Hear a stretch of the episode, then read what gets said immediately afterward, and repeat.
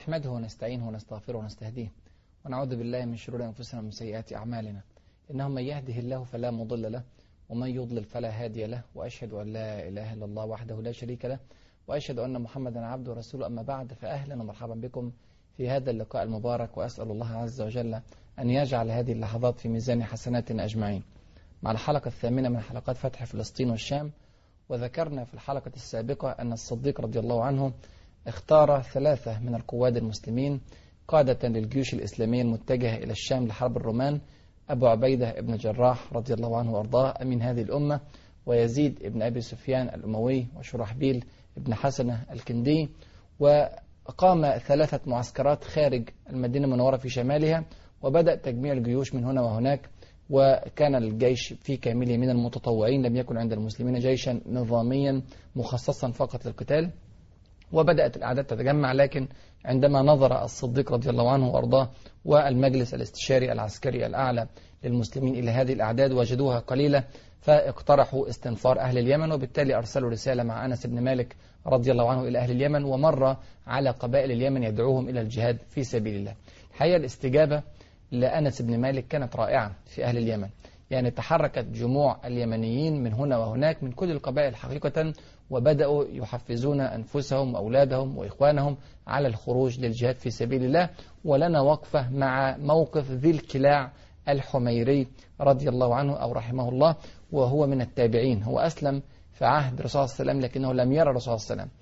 والصحابي لكي يكون صحابيا لابد أن يكون قد رأى الرسول صلى الله عليه وسلم أو اجتمع به في حياته لكن هذا لم يحدث مع ذي الكلاع فهو من التابعين وهو من كرام التابعين رضي الله عنه ورحمه الله.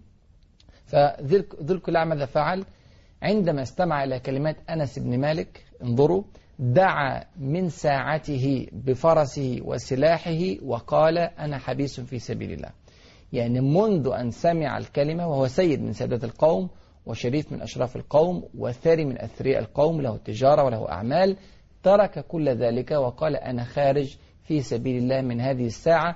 دعا نفسه وأهله وقبيلته ودعا أهل اليمن جميعا للخروج في سبيل الله وخطب فيهم خطبة جميلة.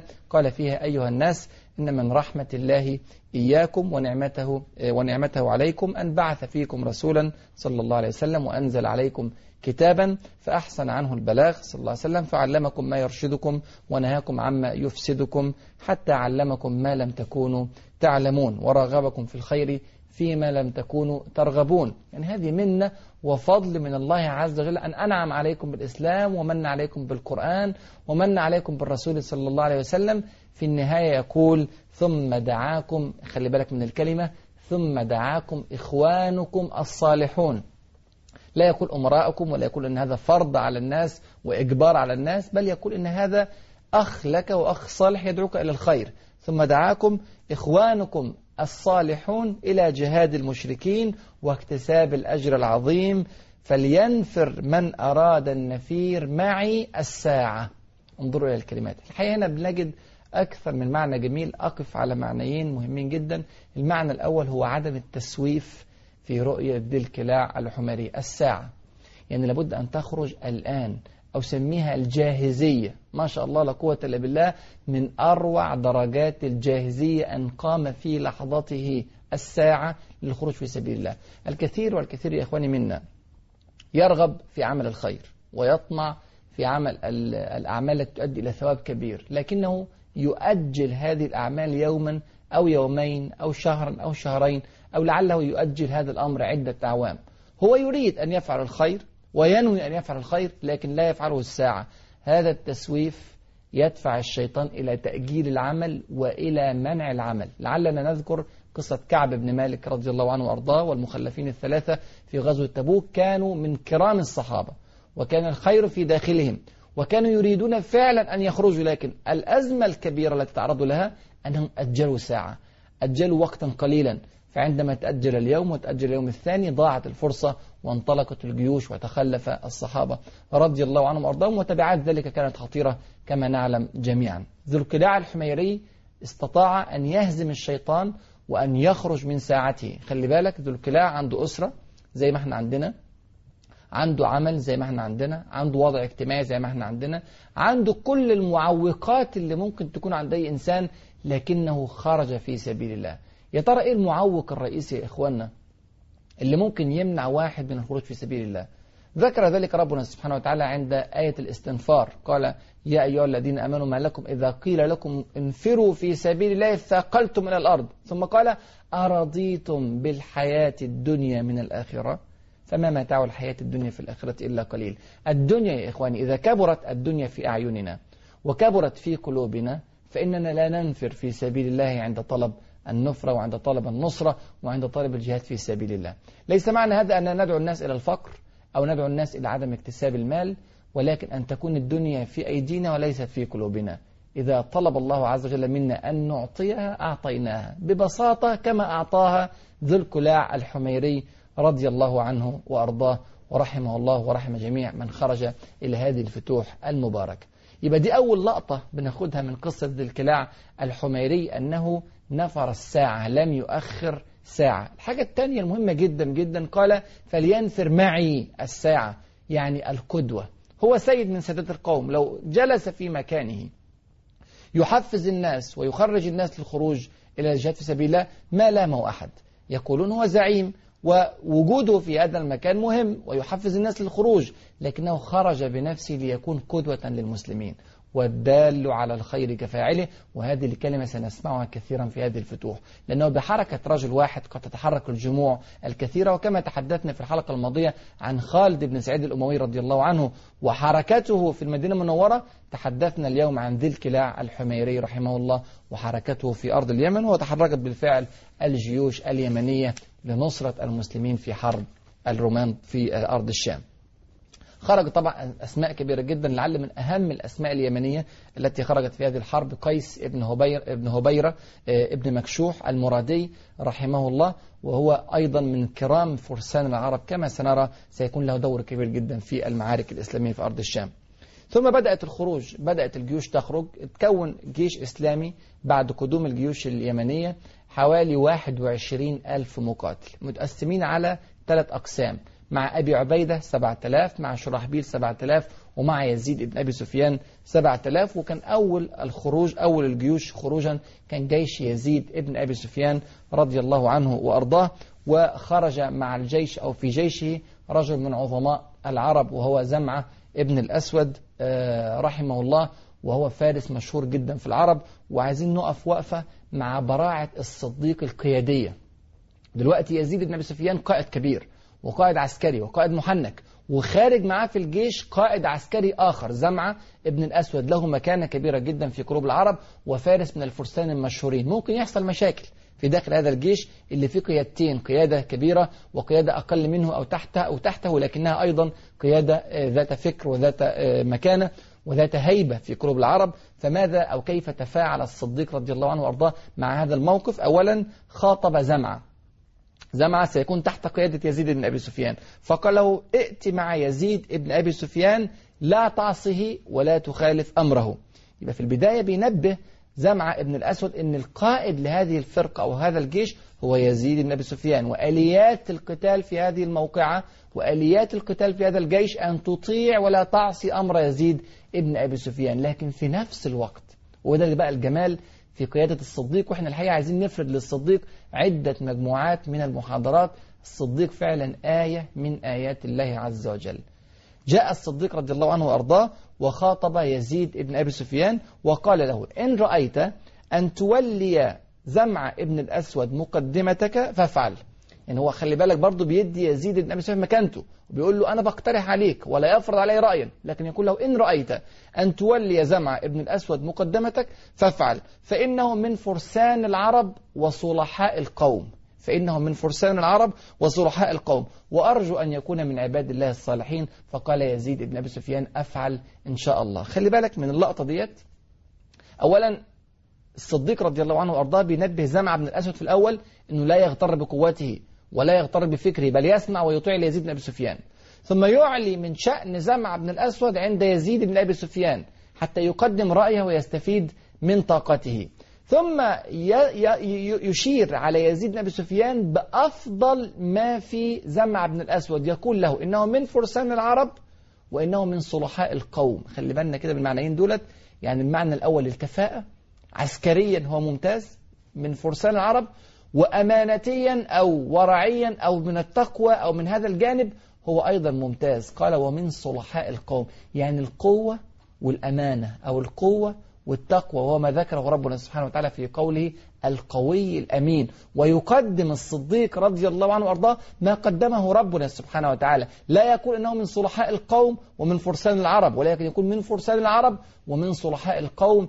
روعة في الكلام على فكرة علماء التربية وعلماء التنمية البشرية قعدوا سنوات طويلة جدا عشان يوصلوا إلى هذه الحقيقة أن الكفاءة تقدم على الأمانة وأنه إذا اجتمع الكفاءة اجتمعت الكفاءة مع الأمانة فإن هذه أفضل ما تكون في أمور القيادة وهو ما يلفت إليه الصديق النظر في منتهى البساطة.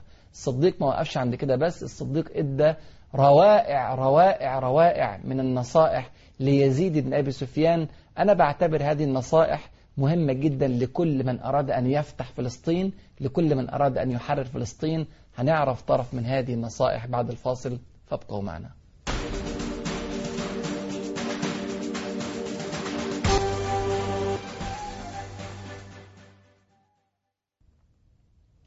بسم الله الحمد لله والصلاة والسلام على رسول الله. كنا قبل الفاصل بنتكلم على موقف الصديق رضي الله عنه وأرضاه من يزيد بن أبي سفيان والنصيحة العظيمة التي قدمها له باحتواء والاستفادة من رأي زمع ابن الأسود وكيف استطاع الصديق رضي الله عنه أن يؤلف بين القلبين مع كون الاثنين من كبار الزعماء. يحدث أحيانا بين كبار الزعماء الصراع والتنافس لكن ما فعل ذلك الصديق رضي الله عنه بمنتهى الحنكة وبمنتهى اللطف وبمنتهى البساطة. بكلمات قليلة جدا بسيطة لكنها في منتهى العمق. ثم بعد ذلك خرج الصديق رضي الله عنه وأرضاه يودع جيش يزيد بن أبي سفيان ويوصيه وصايا كثيرة جدا. وأنا عايز الإخوة والأخوات المشاهدين والمشاهدات يجيبوا أوراق وأولام في أثناء هذه الحلقات ويسجلوا معايا الكلام ده. إحنا مجرد بنفتح أبواب. يعني أنا سألتقط بعض الوصايا من كلام الصديق رضي الله عنه وأرضاه وأذكرها لضيق الوقت. هذه الوصايا تحتاج إلى شروح طويلة جدا وتحتاج إلى دراسات وتحتاج إلى كليات لتعرف العمق الذي في هذا الكلام والإستراتيجيات الرائعة في فكر الصديق رضي الله عنه وأرضاه. فنسجل كده مع بعض الصديق كان بيعمل إيه. اولا الصديق وهو ماشي مع يزيد بن سفيان من البداية ماشي على رجله ويزيد بن سفيان راكب على الحصان. وطبعا يزيد استحيا قال يا أبا بكر إما أن تركب وإما أن أنزل. يعني مش معقول انت خليفه المسلمين وشيخ من اشياخ المسلمين وأعظم المسلمين الموجودين قاطبة على الأرض الآن وتسير على الأرض وأنا أركب. فيقول لا لا تنزل ولا أركب. وما علي أن أغبر قدمي في سبيل الله ساعة.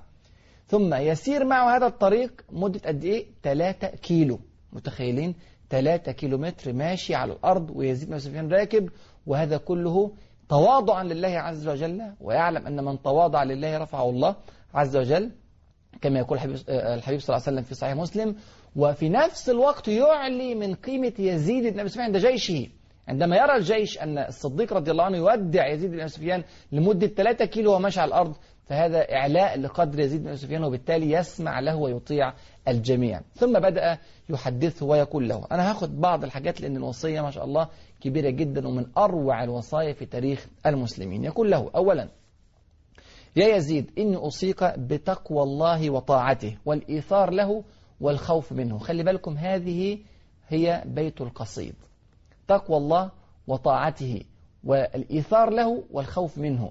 يعني إذا كان هذا الجيش الإسلامي مطيعا لله عز وجل نزل النصر. إن ضاعت هذه الطاعة وضاع العمل لله عز وجل وضاعت النية الصالحة ضاع الجيش كذلك. فالصديق في منتهى البساطة بيلفت النظر إلى أهم عنصر من عناصر نصر الجيش المسلم. ثم يقول خلي بالنا من الكلمة ديت لأننا نعاني منها كثيرا في هذه الأيام. يقول إياك وعبية الجاهلية فإن الله يبغضها ويبغض أهلها. يبقى إياك وعبية الجاهلية يعني إيه عبية الجاهلية؟ يعني بتعريفاتنا دلوقتي في زماننا القومية. بالظبط إياك وعبية الجاهلية أبويا ونسبي وأصلي. عشان كده ما ينفعش لمن يحرر فلسطين أن يكون نحن أولاد الكنعانيين. أو يعتز بأن الجذور كنعانية أو أن الكنعانيين كانوا يعيشون في هذه البلاد أولا فنحن أولى بها. لا نحن نكون نحن مسلمون. ونعتز بإسلاميتنا ونعتز نعتز بانتمائنا لهذا الدين وبعقيدتنا. وإلا تفرق المسلمون وتشرذموا.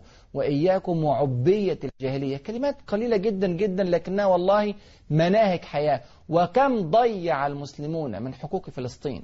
ومن حقوق العالم بأسره بسبب هذه العبية أو سبب هذه القومية أو القبلية. أهل العراق يدافعون عن العراق أهل أفغانستان عن أفغانستان أهل الشيشان عن الشيشان أهل فلسطين عن فلسطين. هذا لا يرضي الله عز وجل ولا يرضي رسوله الكريم صلى الله عليه وسلم وهو جاء واضحا في وصية الصديق ليزيد رضي الله عنه وأرضاه. ثم يوصي وصية عجيبة جدا. خلي بالك يقول له وصل الصلوات لأوقاتها بإتمام ركوعها وسجودها والتخشع فيها. إحنا بنكلم جيش طالع للحرب في ظروف صعبة وظروف الله أعلم بها في مناخ وطقس صعب وفي لقاء عدو قوي وفي أرض غريبة وفي صحراء قاحلة وفي مشوار بعيد ومع ذلك يوصيه بأداء الصلاة لأوقاتها والتخشع فيها. لا عذر في تأخير الصلاة. يعلم مفاتيح النصر. تخيل أن جيش خارج للقتال في سبيل الله يكون من أهم الوصايا ألا تؤخر الصلاة. مع كل الظروف التي ستمر بها وستنظرون وترون إخواني وأخواتي في الله كيف كان لهذه النصيحة صدى عند الجيش الإسلامي وكيف كانوا يصلون أحيانا في أثناء الحروب التي لا تنقطع طيلة اليوم يصلون على خيولهم إيماء حتى لا تضيع منهم الصلاة في وقتها. انظروا إلى المسلمين كيف يضيعون الصلوات أحيانا. لعل أحد أهم أسباب تأخير النصر أن المسلمين على سبيل المثال لا يصلون صلاة الفجر. صلاة الفجر من أول الفجر إلى طلوع الشمس. بعد طلوع الشمس خلاص راحت الصلاة تصليها قضاء. كم من المسلمين الآن في ظروف الأمن والأمان الذين يعيشون فيها؟ بعيدا عن الحروب بعيدا عن المعارك بعيدا عن الدولة الرومانية لا يصلون الصلاة في أوقاتها. هذا من أبلغ أسباب تأخر النصر ولا بد أن يأخذ المسلمين هذه الأسباب من هذه الكلمات الرائعة.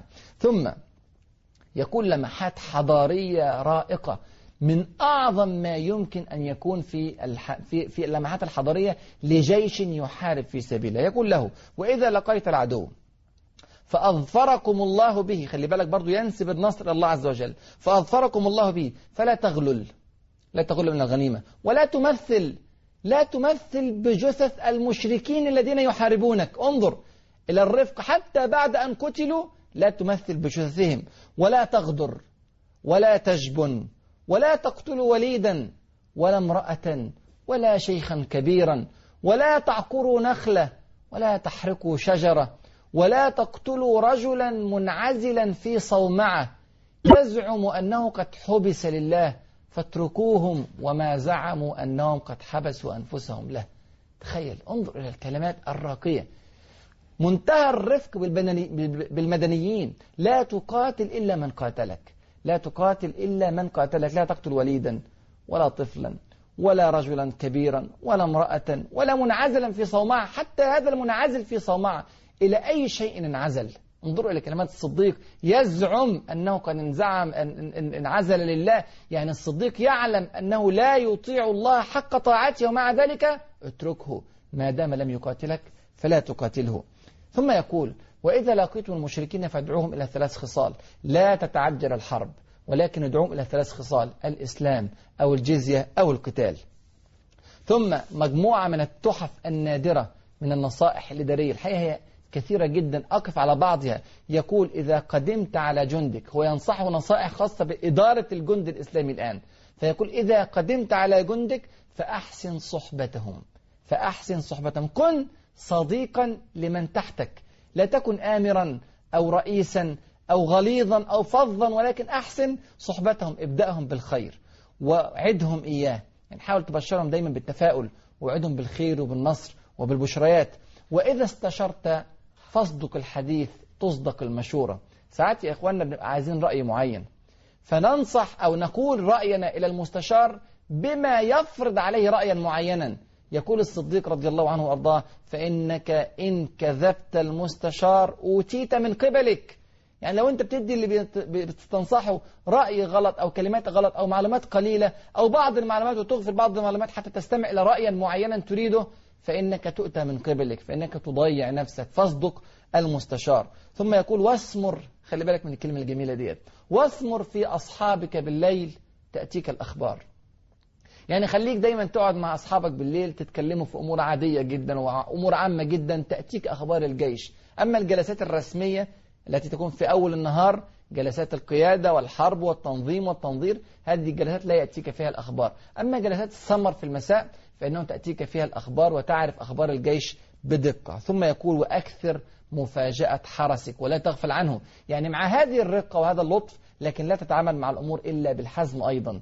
أكثر مفاجأة حرسك وإن وجدت أحدا قد غفل عن حراسته فأحسن أدبه وعاقبه في غير إفراط. إلى آخر هذه النصائح الجميلة. ثم ينصحه بعض النصائح الخاصة برسل الأعداء. يقول إذا جاءك إذا جاءك رسل من الأعداء فأكرم منزلتهم.